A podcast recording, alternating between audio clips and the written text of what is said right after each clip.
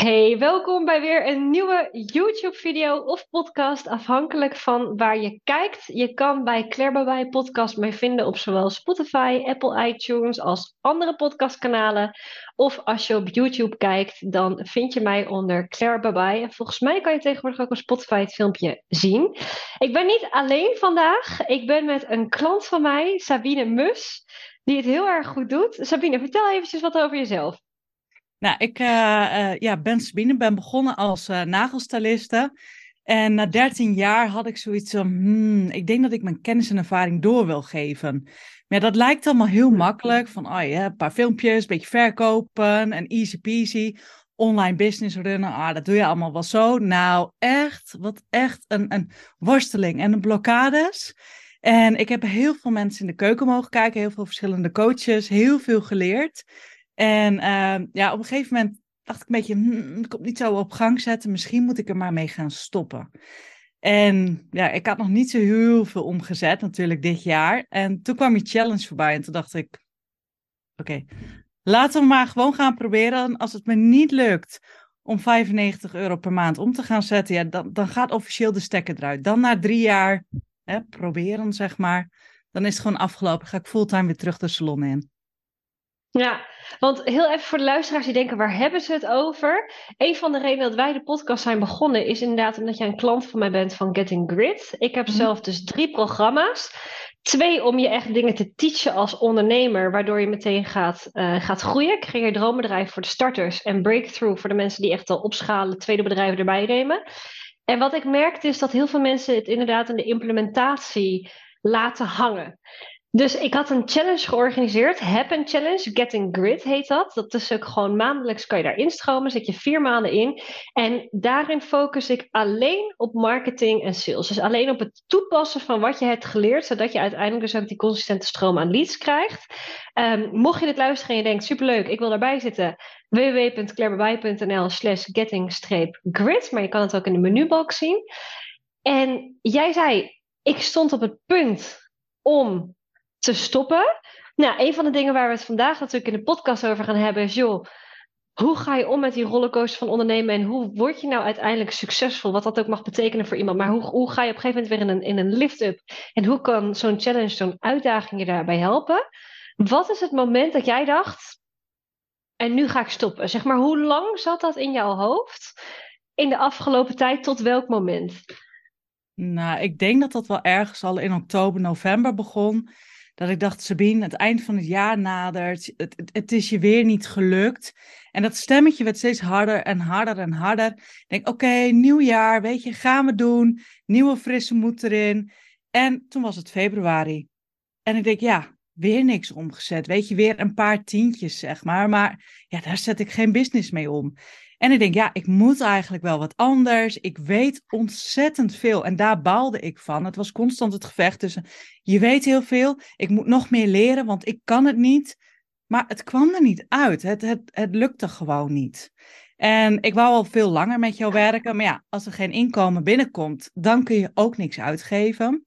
Dus toen kwam je challenge voorbij zetten. En nou ja, dat was eigenlijk gewoon mail, klik, hup. Ik, ik wist eigenlijk niet precies wat het was. Maar ik denk, maak me eigenlijk geen zak uit. Ik heb al genoeg van jou gehoord, gezien, gedaan. Ik denk, als jij mij niet in beweging kan krijgen, ja, weet je, wie dan nog wel? Ja, en dat is ook wel fijn voor de mensen om te luisteren, om dat te weten. Weet je, ik onderneem natuurlijk zelf als business coach al drie jaar. Jij volgt mij al een groot gedeelte van die tijd. We hebben ook al meerdere keren contact met elkaar gehad. En je wilde inderdaad al heel erg lang instappen, dat weet ik nog, maar inderdaad nog niet, of het kwam er niet van, of je zat nog met iets anders en dergelijke. Wat had jij nodig om nu de beslissing te maken van, nu is het wel het moment, zeg maar, wat is jouw eigen proces geweest, waardoor wij als luisteraars er ook weer iets van kunnen leren hoe dat werkt met klanten? Wat is jouw eigen proces geweest om te denken, oké, en dit is nu het moment? Nou, het moment dat ik mij realiseerde dat ik al, nou, volgens mij rond de 50.000 euro geïnvesteerd had in losse trainingen. Mijn spaargeld raakte op. Dus de urgentie werd steeds hoger. En vooral het feit dat ik begon, eigenlijk op z'n plat gezegd, dat ik begon te walgen van het feit: je hebt zoveel geïnvesteerd. Je hebt zo hard gewerkt om dat spaargeld erin te krijgen. En wat heb je? Niks. En ik stond op het punt echt om te gaan stoppen. Want ik denk, dit kan niet meer. Je kunt maar zo lang volhouden. En dan houdt het op. En ik, ik denk, verdoel, nou ja, ik mag het niet zeggen. Maar ik denk, ik zit op goud. Man, ik denk, er zijn toch klanten voor mij. Ik denk, ik vind ze. Ze vinden me leuk. Ze vinden me aardig. Ik denk, maar nou nog dat geld. Ik denk, waarom niet? Ik denk, er is iets wat ik niet... Er mist iets.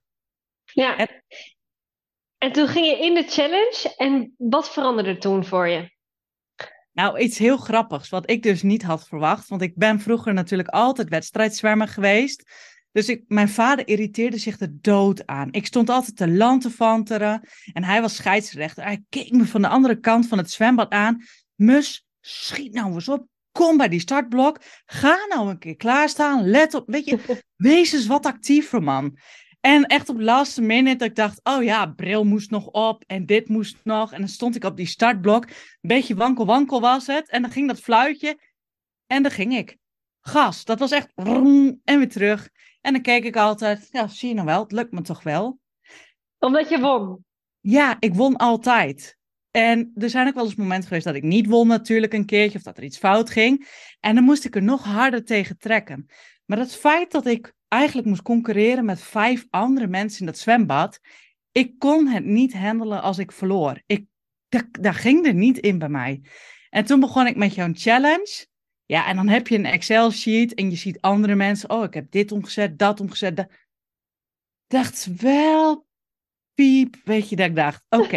en toen was het klaar. Toen was dat vuurtje, dat vuurtje wat ik eigenlijk miste in die drie jaar. Dat vuurtje wat ik zelf niet aankreeg, ja, die was aan. Ja, en als ik eenmaal aan ben, dan is het. Uh... Dat zie je veel, hè? Dat mensen zeggen: ja, je moet altijd jezelf niet vergelijken met anderen, maar de concurrentie aangaan met jezelf. En dat is ook wel zo. Maar met jezelf haalt niemand je in als je niet zelf sneller gaat. En dat was ook een beetje het idee van de challenge. Ik had hem gegeven in mijn breakthrough groep een keer eerder. En nou ja, Danielle Tuik, dat staat ook op de website onder reviews, die had echt nou in, in zes weken tijd had zij volgens mij 10.000 euro omgezet. Dat ik dacht, oké, er is hier iets inderdaad in dat concurrentieaspect. Waardoor mensen ook denken, in plaats van ik heb 20 mensen bericht en oh, ik ben nu trots op mezelf, zie je dat persoon X 50 mensen heeft bericht. En dan denk je eerst, nou, ik krijg nou de kleren, zeg maar, dan, als die sneller gaat dan ik. Want je kan, voor de mensen die luisteren, Getting Grit is dus een challenge. Je zit dus met mijn uh, klanten in een groep. Iedereen dus, die dus die, die challenge doet. En we strijden tegen elkaar in een Excel-sheet. Dus jouw naam staat in een Excel-sheet. En je hebt iedere maand een nieuwe uitdaging op het gebied van marketing. En meestal dezelfde soort uitdaging op het gebied van sales. Dus we hebben bijvoorbeeld een keer gehad dat we uh, drie uh, posts per week moesten plaatsen. Vanuit daar meet je dan het bereik. Ga je in gesprek met de mensen die, die reageren op jouw content. En daar probeer je dan klanten uit te halen. En op het moment dat je dus omzet haalt, krijg je een cadeautje niet het grootste cadeautje, want de ene persoon heeft natuurlijk een veel grotere business dan de ander, dus die is niet helemaal eerlijk. Maar ik geef dus prijzen van honderden euro's op het gebied van hoeveel je voor de zichtbaarheid te gaan. Dus je kan ook nog je eigen investering, je maandinvestering, de maandtermijn die je voor Getting Grid betaalt, kan je terugwinnen in de vorm van dus best wel prima cadeaus. en je zit dus met z'n allen in een Facebookgroep. Je gaat vragen krijgen over sales en over marketing. Twee keer in de maand heb ik een QA en dan berichten we elkaar daarover. En voor de rest is het dus die Excel-sheet en bezig gaan met die opdrachten.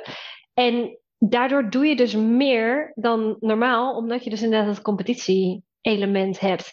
En voor jou werkte dat dus heel erg goed, zei je al. Hè? Weet je van ik zie andere mensen gaan. En het zijn ook mensen die soms al wel een wat beter lopend bedrijf hebben. Waardoor je dus ook ziet, ah, dit is waarom zij omzet hebben. Omdat zij tien keer meer doen dan dat ik doe op dit vak. Of omdat ik zie dat ze gefocuster werken of iets dergelijks in die trant. Was jij dan hiervoor helemaal niet zichtbaar? Of wat is het verschil daarin voor jou geweest? Ik was wel zichtbaar, maar het ging allemaal een beetje op zijn 11 en 30ste oh ja, ik post wat en mensen zien het wel. Maar op een of andere manier klikt het niet helemaal door het contact met anderen aan te gaan. Dus actief een DM sturen. Ik was wat meer van, ja, nou ja, ik heb toch gepost. Dat zien ze wel, dat lezen ze wel. Oh ja, maar ik heb toch 500 mensen op een nieuwsbrief. Ja, er komt vast wel iemand uit. Het bleef allemaal een beetje in die afwachtende fase. Het bleef een beetje in die passieve. Ja, toen kwam ik in die groep en toen dacht ik, oh, holy Moses, nu moet, nu moet ik echt, nu moet ik gaan. Ja, hey, en wat is bijvoorbeeld een voorbeeld? Want ik zei al, hè, in de eerste maand was het drie keer per week uh, posten. In de tweede maand, oef, dan moet ik wel goed zeggen dat ik dit uh, goed zeg. Wat, wat deden we de tweede maand ook alweer? Wat erg, ik weet dat het niet. Dat moet je mij niet vragen, want dat was precies in de lancering. Ik was zat volle bak in de lancering. Deze maand is het spreken en reageren op andere mensen. Dus in wat erg, ik organiseer het en ik weet het zelf niet eens. In de eerste maand was het drie keer per week uh, zichtbaar zijn. In de tweede maand deden we tien keer in de week een reactie plaatsen op een collega van je of iemand met dezelfde doelgroep, waardoor mensen ook jouw gezicht kunnen zien. Hè? Want heel vaak zeggen we wel, ja, ondernemers leren me kennen via Instagram. Maar hoe leren ze jou kennen? Vaak niet via de zoekbalk. Het is ook best wel moeilijk om in het algoritme in de feed van iemand te komen, bij ontdekken, zeg maar. Maar wat er vaak gebeurt, is dat je bij iemand zijn profiel zit en dat op dat moment lees je de reacties en ga je vanaf daar naar een ander profiel. Dus dat was een van de challenges. En een andere challenge deze maand is inderdaad spreken. En je bent de enige die mij heeft bericht voor een sprekersklus. Dat jij dus ook zei. Isabella Draaier trouwens ook. Is ook een klant van mij. Alleen die heeft het niet voor een podcast, maar voor een masterclass voor mijn klant heeft het gevraagd. Want deze maand is het inderdaad van oké. zorg dat je spreekt. En dat je het podium krijgt, maar niet je eigen podium, maar een podium met mensen die jou nog niet kennen. Dus bijvoorbeeld ook voor jou, Sabine, mijn klanten die jou nog niet kennen, die zouden ook weer jouw klant kunnen worden. En daar heb je heel slim gebruik gemaakt. Stel nou dat iemand dit nu luistert, waarvoor kunnen zij dan bij jou terecht? Nou, sowieso kunnen eigenlijk alleen maar de salons. En uh, salons in de beautybranche kunnen bij mij terecht, maar met name als ze meer klanten, meer omzet en meer rust willen. Dus het is één van de drie, alle drie of één van de twee. En daarbij maak ik gewoon, vind ik zelf heel slim gebruik van een online academie, waarin ze op hun eigen tijd, hè, s ochtends vroeg, s middags, s avonds, wanneer zij tijd hebben, want ze zijn allemaal moeder, dat ze dat even kunnen gaan kijken. Ja, en ik combineer dat met een stukje coaching en dat ik al mijn kennis en ervaring doorgeef. Ja, en ik ga gewoon heel goed op, op on-the-spot coaching. Niet vooraf alle vragen, maar ik ga wel zitten, weet je, en vuur alles maar lekker op mij af. En dan help ik je gewoon aan alle kanten. En ja, en dat, dat vind ik zelf het leukste. Dus daarvoor kun je bij mij echt terecht. Ja, en als je nu kijkt, hè, hoe vinden mensen jou nu? Want je bent nu voor de derde maand ben je bezig met de marketing en de sales challenge. Waar kunnen mensen jou nu het beste bereiken? Het beste kunnen ze mij via, maar eigenlijk Instagram. Daar vinden ze mij het meeste. Facebook moet ik zeggen, een klein beetje ben ik lui. Want ik dupliceer, of nou, hoe noem je dat? Ik heb het gekoppeld, zeg maar, aan elkaar. En uh, uh, heel veel op de nieuwsbrief. Daar krijg ik ontzettend veel reacties op. Dus dat is iets wat ik gewoon wekelijks naar ze stuur. Maar voor de rest, ja, geen LinkedIn nog. Uh, niet al die andere TikTok. Ik snap er eigenlijk niet heel veel van. Ik probeer wel wat, maar nou, daar kun je me eigenlijk het meest vinden. En de masterclasses die ik geef. Ja, Insta Confetti is een andere klant van mij. Die zijn een TikTok training aan het maken. Dus mocht jij dat nog interessant vinden of de mensen die luisteren, aanrader. Ja. Hey, en de content die je nu plaatst, want je zegt dus Instagram. Getting Grid heeft jou dus geholpen om zichtbaar te zijn, maar je moet natuurlijk ook wel een bepaalde manier van zichtbaarheid hebben. Ik bedoel, je kan wel iedere dag pannenkoeken posten met ik ben net aan het eten, maar dat werkt niet. Wat voor content maak jij waarvan jij merkt dat het werkt? Ik uh, heb het in elk geval over een paar issues. Want soms is het wel eens van. Uh, binnenkort komt die post bijvoorbeeld online. Zo van, oh, weet je, kappers en salons, ah, die zijn een beetje dom, weet je, dit, dat. Daar ga je niet echt mee verdienen. Dus daar komt binnenkort een post. Maar ik snij ook de issues aan over, goh, prijsverhogingen. Ja, hoe doe je dat? Kan dat wel? Uh, bijvoorbeeld toen we de lockdown hadden, ja, ineens zijn je klanten weg. Hoe krijg je die weer terug? Dus eigenlijk gewoon hele praktische, concrete dingen die je in de salon tegenkomt, maar waar eigenlijk niet over gesproken wordt. Want als je naar een opleidingscentrum of een groothandel gaat, is het allemaal, oh ja, maar je moet beter worden in je vak, weet je? Dan vinden mensen wel. Maar dan denk ik, nee, dan, dan ben je nog dat geheime pareltje wat ergens in een huis zit. Mensen vinden je niet. En, en je hebt geen website en je hebt geen Instagram. Dus door eigenlijk gewoon actuele dingen aan te snijden, eigenlijk de gedachten die al in hun hoofd zitten, ja, haken mensen gewoon aan, ze reageren. Uh, gisteren was een hele simpele post, wat doe ik op een dag? En vraagt iemand, ja, kook jij eigenlijk wel? Ja, tuurlijk kook ik wel. Ja, hoe doe je dat? Ja, ik prep gewoon, weet je. Ik maak alles één keer in de week. En toen zei iemand, oh ja, wat slim. Oh ja, nou dan zou ik s'avonds ook wel een klant extra kunnen pakken. Maar dan denk ik, weet je, het zijn soms die kleine dingetjes, ja, wat voor hun handig en praktisch is. Ja, en dat is wel handig dat je dat inderdaad zegt. Want sommige mensen hebben bijvoorbeeld inderdaad bepaalde taken geëlimineerd, zoals jij dat nu heel slim hebt gedaan, waardoor je verder kan op iets anders. Ik kook bijvoorbeeld zelf niet. Ik heb een chef die elke week uh, zeg maar voor me kookt, maar ook niet omdat bijvoorbeeld het preppen of, of het hebben van een chef dusdanig qua, qua eten verandert, maar het verandert heel veel qua tijd. En met die tijd, zeker als je inderdaad een salon hebt, en je moet dus tijd per klant, het is minder schaalbaar wat dat betreft, afhankelijk van het productaanbod natuurlijk, is dat heel slim om dat op die manier te doen. Hey, dus ze reageren bij jou. En reageren ze dan uit, zeg maar automatisch, hey Sabine, ik wil graag klant worden? Of hoe ga je dan weer met die reacties om, om te zorgen dat het dan toch een klant wordt? Nee, heel vaak is het een hele simpele reactie. Net als dat je iemand tegenkomt op straat, is het: hey joh, hoe kook jij? Oké, ik doe het zo. hey, jij wil een extra klant? Oh, wat leuk, vertel. Hoe ga jij dat eigenlijk aanpakken? Ja, dat weet ik eigenlijk niet. Weet je, ik gooi mijn agenda open. Oh ja, oké, komen ze dan zo aan? Dus eigenlijk ga ik het simpelweg het gesprek gewoon aan. Ik duik niet meteen in, joehoe, ik heb een cursus, kom bij mij. Weet je, mensen denken gelijk dan, dag, wegwezen, dat doe ik niet. Ja, en het is inderdaad ook heel mooi dat je dat zegt, want de vragen die jij stelt gaan niet verder over het koken en ze gaan ook niet verder over de tijd. Je vraagt letterlijk, ah, maar je wilt die extra klant. En hoe ga je die dan krijgen? En die agenda. Dus je vraagt eigenlijk al de vragen die je zou moeten stellen als er een klant van je was geweest. Toch? Want dan heb je dezelfde antwoorden nodig. hey, dan ben je een beetje verder in het gesprek. En hoe maak je dan die shift van je bent in dat DM'tje bezig naar bebellen of je betaalt? Ja. Hoe maak je die shift dan? Ligt er een beetje aan wat ze willen. En als ik merk van, oh, ze hikken tegen het geld aan. En ze hebben blijkbaar dan nog niet door wat voor waarde ik geef. Ik zeg, hey joh, ik geef binnenkort een masterclass. Lijkt het je leuk om gratis daaraan mee te doen? Nou, dan komen ze ook wel. Als ik merk dat ze totaal niet over geld praten, dan zeg ik: Hey joh, vind je het leuk als ik even met je meedenk? Ik heb dan en dan nog even een plekje voor je.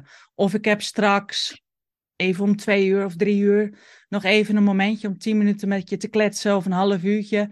Zou je dat leuk vinden? En sommigen die zeggen: Oh, mijn social media is een zootje ik ben geen social media expert, maar ik weet wel een beetje te pinpointen van hey, dit is wel handig, niet handig. Dus ik speel eigenlijk een beetje met het stukje vraag of issue wat er is en wat kan ik daarmee. Dus ik zorg voor een tussenstapje voordat ik pas doorga naar mijn aanbod. Ja, heel erg slim. En stel je hebt bijvoorbeeld het webinar. Het webinar doe je dus ook een aanbod in aan het einde. Dus je vertelt, wat is, waar gaat jouw webinar over? Mijn webinar die gaat over meer klanten en omzet in jouw eh, salon. ja, dus daar vertel je eerst denk ik een uurtje over. Daarna bied je ook wat aan, toch? Nou, niet helemaal. Want ik merk gewoon dat heel veel mensen snel uitschakelen. en wat ik dan doe is eerst zo van, goh, waar zit jij ongeveer? Ik doe heel veel polletjes, heel veel interacties. Ik laat ze ook heel veel dingen vertellen. En tussendoor vertel ik, oh ja, ik heb er toe...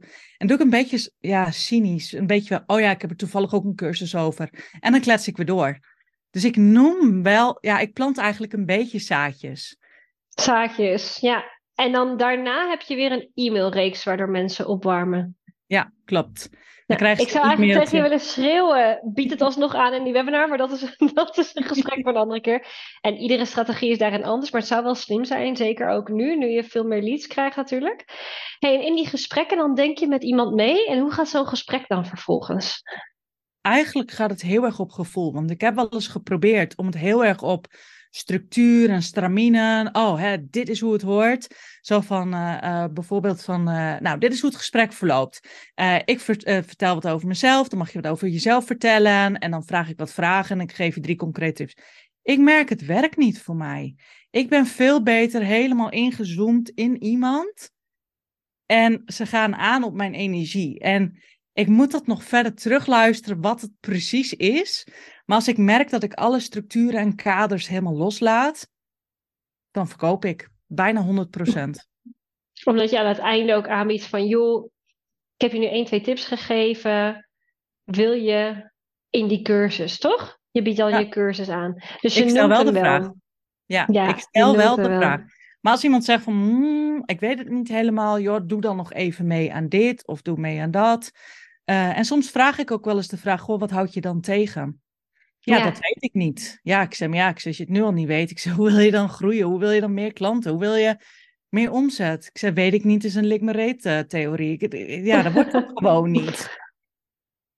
Ja, en vanuit daar is het inderdaad dat ze of dan klant worden, of je komt daarna weer bij ze terug. Want als ze dat gesprek eenmaal hebben gehad, dan zijn ze vaak al heel erg warm. En dan vinden ze je ergens al leuk. Ik merk dat ook, weet je, niet iedereen zegt ja. Als wel iedereen in de sales call ja zegt, heb je eigenlijk te lage prijzen. Maar wat je vaak ziet is dat die mensen die destijds nee zeiden, dat ze een paar maanden of misschien zelfs wel een keer een jaar later weer bij je terugkomt, komen, omdat ze je blijven volgen. Ja, en bij heel veel geef ik echt concrete tips. En dan zeg ik, nou weet je wat, als je dit nu kunt implementeren binnen twee weken. En dan zeggen ze, oeh, ja, jeetje, oh, dat vind ik wel lastig. Want ja, ik heb nu ook al een half jaar lang mijn website niet staan. Nou, ik dan doen we het toch over vier weken. Ik zeg, maar kom over vier weken wel bij jou terug. Ik zeg, want dat is mijn rol als coach, om juist die stok achter de deur te zijn. En heel vaak zie je dat ze na vier weken terugkomen. Hoe, Sabine, het is nog niet gelukt, maar kunnen we het volgende week doen? Dan zeg ik, nou, dat kan. Ik zeg, maar nog één keer, hè, mag je uitstellen. Mooi, stukje humor erin. Ja. Hey, en, en als, je vanuit, als je vanuit daar kijkt, hè, van hoe jij het nu hebt aangepast en de connectie die jij nu op deze manier, hoe jij het doet, opbouwt met jouw leads. Wat zou je dan willen adviseren? Stel, iemand zit niet in die Getting Grid Challenge. Hè? Want als je dit luistert, iemand zit niet in die Getting Grid Challenge. Hoe kan je jezelf een uitdaging geven die jij nodig had, die misschien andere mensen ook nodig hadden, om dan toch te gaan. Om dan toch die focus te houden en om dan toch op deze manier met je leads te connecten. Eigenlijk gewoon simpelweg een datum opschrijven, niet te ver weg. Wel dichtbij houden, niet langer dan een maand zou ik doen. Uh, of wanneer je eigenlijk hè, officieel je loon zou krijgen, bijvoorbeeld. Dus dat je zegt de 25ste van de maand moet ik dat en dat omgezet hebben? Oké, dat reken je weer terug. Oké, dan moet ik dit per week doen. Dit moet ik per dag doen. Oké, maar wat moet ik dan exact doen? Is het dan, uh, moet ik dan drie keer een dienst of drie keer, maakt me eigenlijk niet uit wat het precies is, maar dat je super concreet afgekaderd maakt, wat doe je exact en meetbaar vooral. Ja, heel veel mensen doen dat niet, hè? die vermijden doelen inderdaad. die denken, nou ja, ik, ik doe wat... Ja, ik schoof ook voor mij uit. Ik dacht, ah ja, Q2, ach ja, het is nog maar 11 mei. Ah, ma. Weet je, dat komt wel, komt wel, komt wel. Maar dat komt niet. En daar moet je echt mee stoppen, met die gedachten. Of je moet de stekker eruit trekken. Eh, maar maak gewoon een keuze, weet je. Maakt niet uit wat, maar maak een keuze. Ja, en maak het super concreet. Want doe je dat niet, dan, dan ja, nee. En inderdaad, als je zeg maar voor kwartaal 2 bezig bent. Heel veel mensen denken ik doe het in de laatste drie weken. Maar wat je vaak niet beseft is dat de marketing en de sales die je vandaag doet, heeft niet alleen een effect op vandaag. Het is een ripple effect voor de maanden daarna. Want je krijgt natuurlijk een, steeds grotere groep mensen die, die meegaat op je humor, die je leuk vindt als persoon, die je leert vertrouwen, die luisteren, die, snap je, hetzelfde als, als iemand nu hier luistert, ofwel omdat ze voor jou zijn gekomen via jouw podcast, ofwel dat ze via mij zijn gekozen, gekomen, vaak is het dan niet de enige podcast of video die geluisterd of bekeken wordt. Daarna komen er nog een paar, of daarvoor. Of iemand denkt, nou, wat een irritante vrouwen. Maar dan haken ze al in de eerste vijf minuten af. Dus als je merkt dat iemand doorkijkt en doorluistert, dat warmt allemaal rustig op. En alles wat je vandaag doet, daar merk je soms over twee, drie maanden pas het resultaat van. Ja, ik had zelfs mensen die nu gekocht hebben voor het eerst bij mij, dat ik zei, ik wil gewoon nieuwsgierig. Heb je gekocht uit de masterclass? Heb je gekocht omdat je me ergens tegenkwam? Advertentie, weet je, waar kom je vandaan? Dat wilde ik weten. En er waren een paar die zeiden, joh, ik volg je al heel lang op Facebook, maar ja, je deed geen aanbod. En toen dacht ik, uh, stom. En nu doe je regelmatig een aanbod? Het kan beter. Daar ben ik echt heel eerlijk in. Dat kan echt beter. Uh, want ik ben natuurlijk ook de afgelopen tien dagen heb ik met griep echt even op bed gelegen. En ik heb niks gepland. Dus dat was gewoon echt dommigheid van mijn kant. Dat ik een beetje dacht, hmm, ik heb het gedaan. Precies waarvoor je gewaarschuwd hebt. Nou, niet denken dat je er bent. Dus ik liet het even een beetje varen. Maar ik moet het weer eventjes uh, erop. Maar ik heb wel het aanbod erop staan. Ja, ik zeg zelf altijd ondernemen is geen entertainen. Want heel veel mensen denken, ja, als ik een aanbod ga doen, dan krijg je natuurlijk ontvolgers en mensen die denken, ja, hier zit ik niet op te wachten. Maar die hoef je niet te entertainen, maar de hele tijd dingen aanbieden wordt ook vervelend. Ik verwacht, ik vergelijk het zelf eigenlijk altijd bijvoorbeeld met een merk voor dieren. Wat we heel erg vaak leuk vinden is kattenfilmpjes kijken of hondenfilmpjes kijken of gekke dingetjes kijken. Stel dat bijvoorbeeld een halsbandenmerk alleen maar foto's van halsbanden zou delen, zonder hond eraan vast, maar gewoon echt de halsband in een fotostudio. Wie volgt zo'n account? Dat is hartstikke saai. Mhm. Terwijl als je wat leuke honden- en kattenfilmpjes ziet en dan een foto met een hond die die halsband om heeft en dan, en dan komt een volledige promotie voor de halsband en van welk materiaal het is gemaakt en hoe duur het is en wat dan ook, dan kopen we. Want we volgen het account omdat we het account leuk vinden en niet omdat het allemaal losse halsbanden zijn. Dus ik zou zeggen 20% aanbod, 80% entertainen, dingen over je expertise delen, over je social proof. Weet je, wat voor referenties heb je al? Over je persoonlijkheid, wat jij heel goed doet. Je bent natuurlijk echt een bepaalde persoonlijkheid, straal je heel goed uit. Dus dat mensen ook op je aan kunnen haken, of dat je ze af kan stoten. Ja, Want dat is wat je wil. Je wil niet in de middenmoot blijven. Ja, maar precies dat is ook oké. Ik, ik zie zo vaak, weet je, ook even terugkomend op wat je zegt, weet je, met dat aanbod dat zie ik in mijn branche heel veel. Korting hier, korting daar, dit, dat, dat, dat. Dan denk ik zo, boring. Je bent net zo'n bloggerfolder, man. Ik vind hier helemaal niks aan. En dan ontvolg ik. En, dat, en dan ook, wat zei je dan net ook? Daar wou ik wat over zeggen, maar ik ben het kwijt. Over die 20% Nou, maakt niet uit. Komt later wel. Halsbanden? Geen idee meer wat ik wil zeggen. Wat ik heel erg voor beauty salons merk, en ik, ik heb daar een beetje een rare fetish voor. Ik, ik ga er heel goed op als puistjes worden uitgeknepen. Filmpjes waarbij meeeters of puistjes worden uitgeknepen. Je haat ze or you love them. I love them. Het geeft me een fantastisch gevoel van dit moest gebeuren, nu is de taak klaar, zeg maar. Als ik een beauty salon zou volgen. En ik volgde hier een paar in Malaga trouwens, want ik was er naar op zoek. Foto's van nagels of foto's van van kortingen met een gezicht van een stokfoto vind ik niet interessant. Wat ik interessant vind is voor- en na-foto's. Of voor- en na-filmpjes. Dat ze zo'n filmpje van iemands gezicht maken en daarna een filmpje na een bepaalde behandeling. Of bijvoorbeeld na het zetten van wenkbrauwen. Of... Dat is leuk om te volgen. En als je daar een beetje afwisseling in kan creëren, is dat inderdaad beter dan de hele tijd zeggen met een stokfoto, dus een standaard foto van het internet. Hier heb je een hot stone massage. Vandaag 39 euro. Vandaag ook nog. En dan zie je die hele tijdlijn vol staan met diezelfde stokfoto met een andere promotietekst erop. Ja, dat is natuurlijk, als je er zelf naar kijkt, kijk vooral ook, zou je dit zelf volgen of niet? Ja. Heel vaak het is het antwoord nee. Nee, en het is ook heel vaak dat, kijk, ik heb het ook wel gedaan, dan plaats je één foto, maar je vergeet om misschien één keer in de maand scroll eens een keertje, net als een datingsprofiel. Ben je nog wel interessant, weet je? Of inderdaad, wat jij ook zegt, heb je eigenlijk op 12 post wel drie keer dezelfde hot stone stock foto?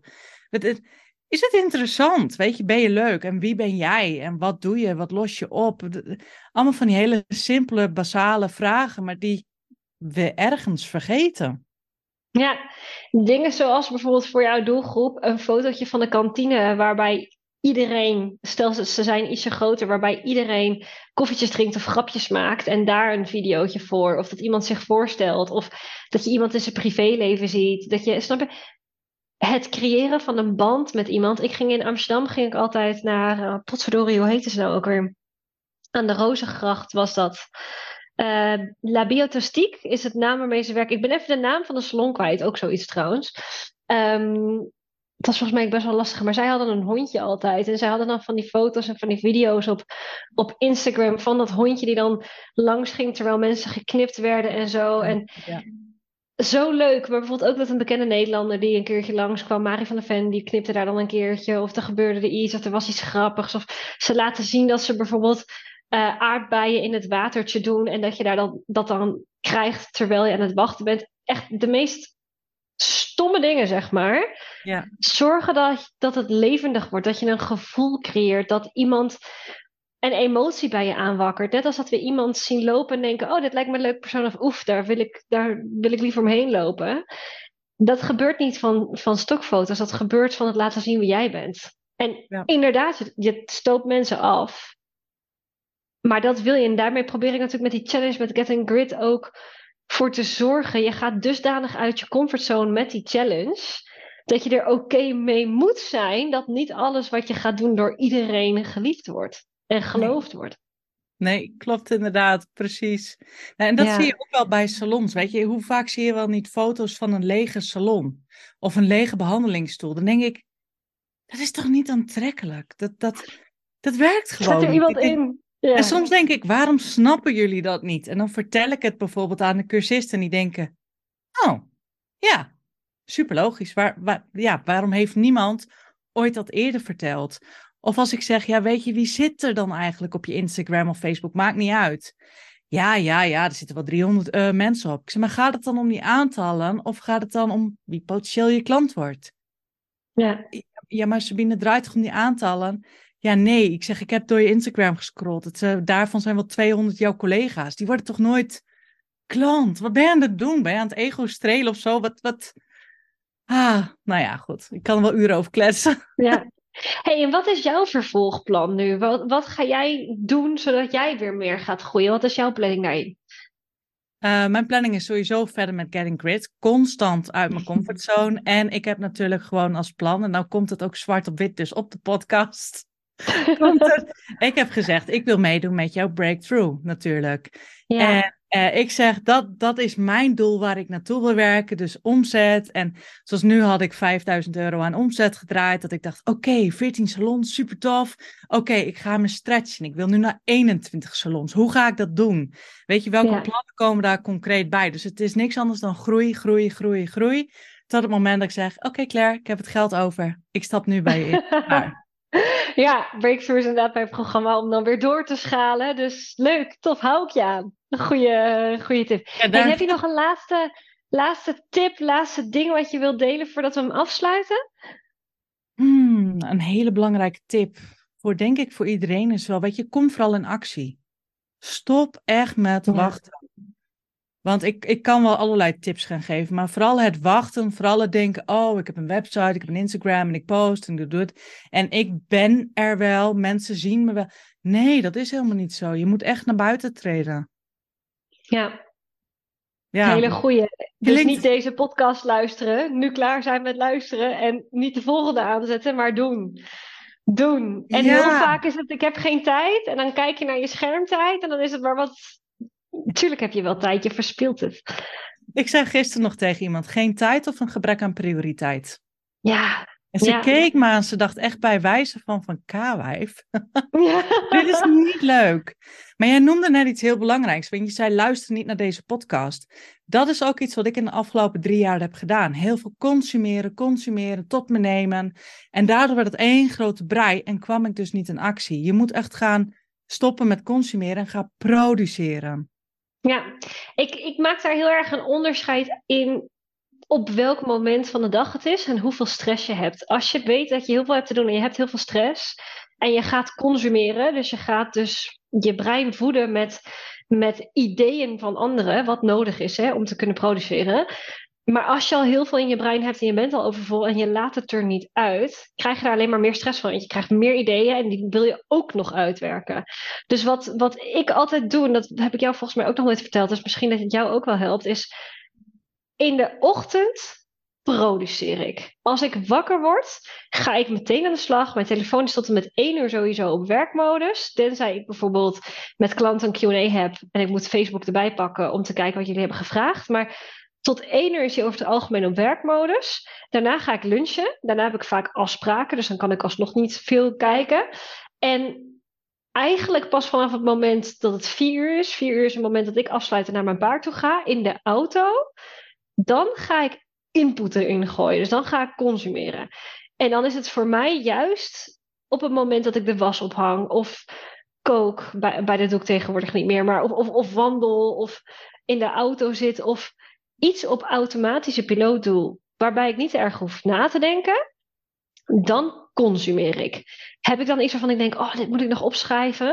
Dan zet ik bijvoorbeeld de podcast op pauze en dan herhaal ik dat in mijn hoofd terwijl uh, tot het moment dat ik op bestemming ben en dan schrijf ik het even in notities op. En in de ochtend gaat het er dan weer uit. Maar wat heel veel mensen verkeer, verkeerd doen, het ligt natuurlijk ook aan hoe je het zelf wil, maar is dat ze tijdens werktijd van andere mensen gaan consumeren. Webinars kijken, uh, podcast luisteren, op Instagram scrollen, ideeën. Onder het mom van dit is marktonderzoek of concurrentenonderzoek, maar dat is het natuurlijk niet.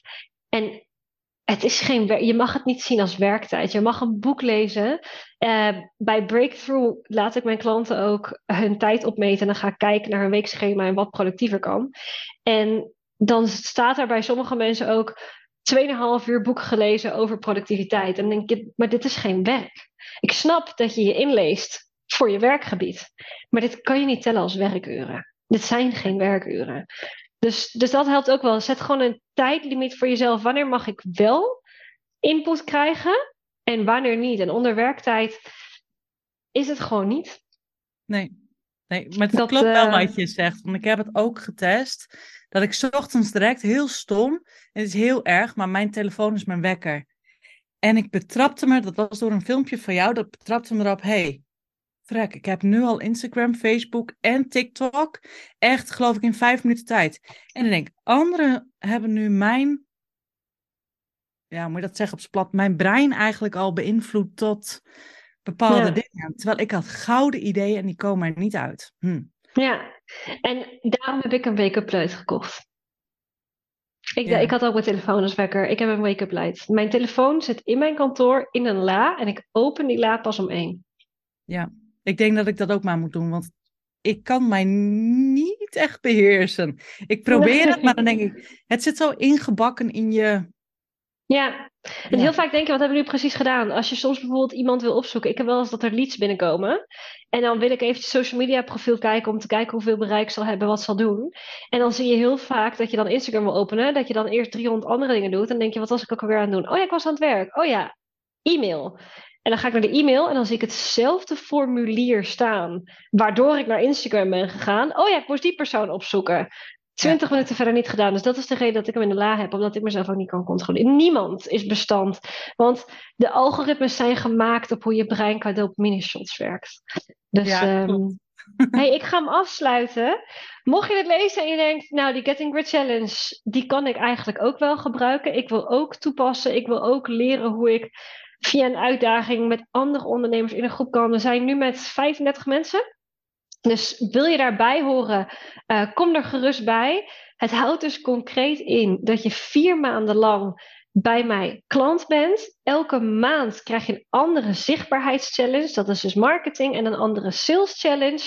Je kan iedere maand nieuwe prijzen winnen. We beginnen dus op de eerste van de maand beginnen vanaf nul. Uh, dus je kan nu al meedoen, maar vanaf de eerste van de maand word je zeg maar toegelaten. Dan kom je er helemaal in. Twee Q&A's zitten erbij op het gebied van marketing en sales van anderhalf uur. En ja, heel eerlijk, eigenlijk alleen al aan de community. Er zitten zulke goede ondernemers in die community. En er zijn accountability partners, vriendschappen worden afgesloten, mensen reageren op elkaar. Alleen al voor de community is het uh, bedrag waard. Het is 795 euro als je het in één keer betaalt. Je kan het ook in vijf termijnen betalen. Um, ja, ik zou zeggen, kom erbij. Ik ben echt vol liefde over het programma. Ik niet alleen. Je kan op de website kijken, heel veel reviews. Nou ja, jij enthousiast. Ik, ik merk gewoon echt een verschil. Sinds dat ik dit programma draai, zijn mijn klantresultaten ook gewoon heel erg omhoog gegaan. Omdat, ja, weet je, je doet, je, je moet, je moet doen. Je wordt uitgedaagd om echt niet meer eronderuit. En je kan ook niet liegen. Dus je kan niet zeggen: nee, Claire, ik moest eerst nog een website maken en ik moest eerst nog dit en dit en dit. Want ik prik natuurlijk overal doorheen. En dan coach jullie ook wat dat betreft gedeeltelijk persoonlijk. Dus je komt er niet onderuit dat je gewoon echt zichtbaar moet zijn. Dus als je die stok achter de deur wil, dan uh, ja, tof als je, als je je aansluit. Dat, uh, ik denk dat je er heel veel uit gaat halen. Heel erg bedankt, Sabine. Ik uh, spreek je natuurlijk gewoon weer in het programma. Als je luistert, www.clairebabai.nl slash getting-grid. Of je gaat naar mijn menubalk, werk met mij en je tikt uh, op Getting Grid. En ik zie je daar. Dankjewel. Jij bedankt.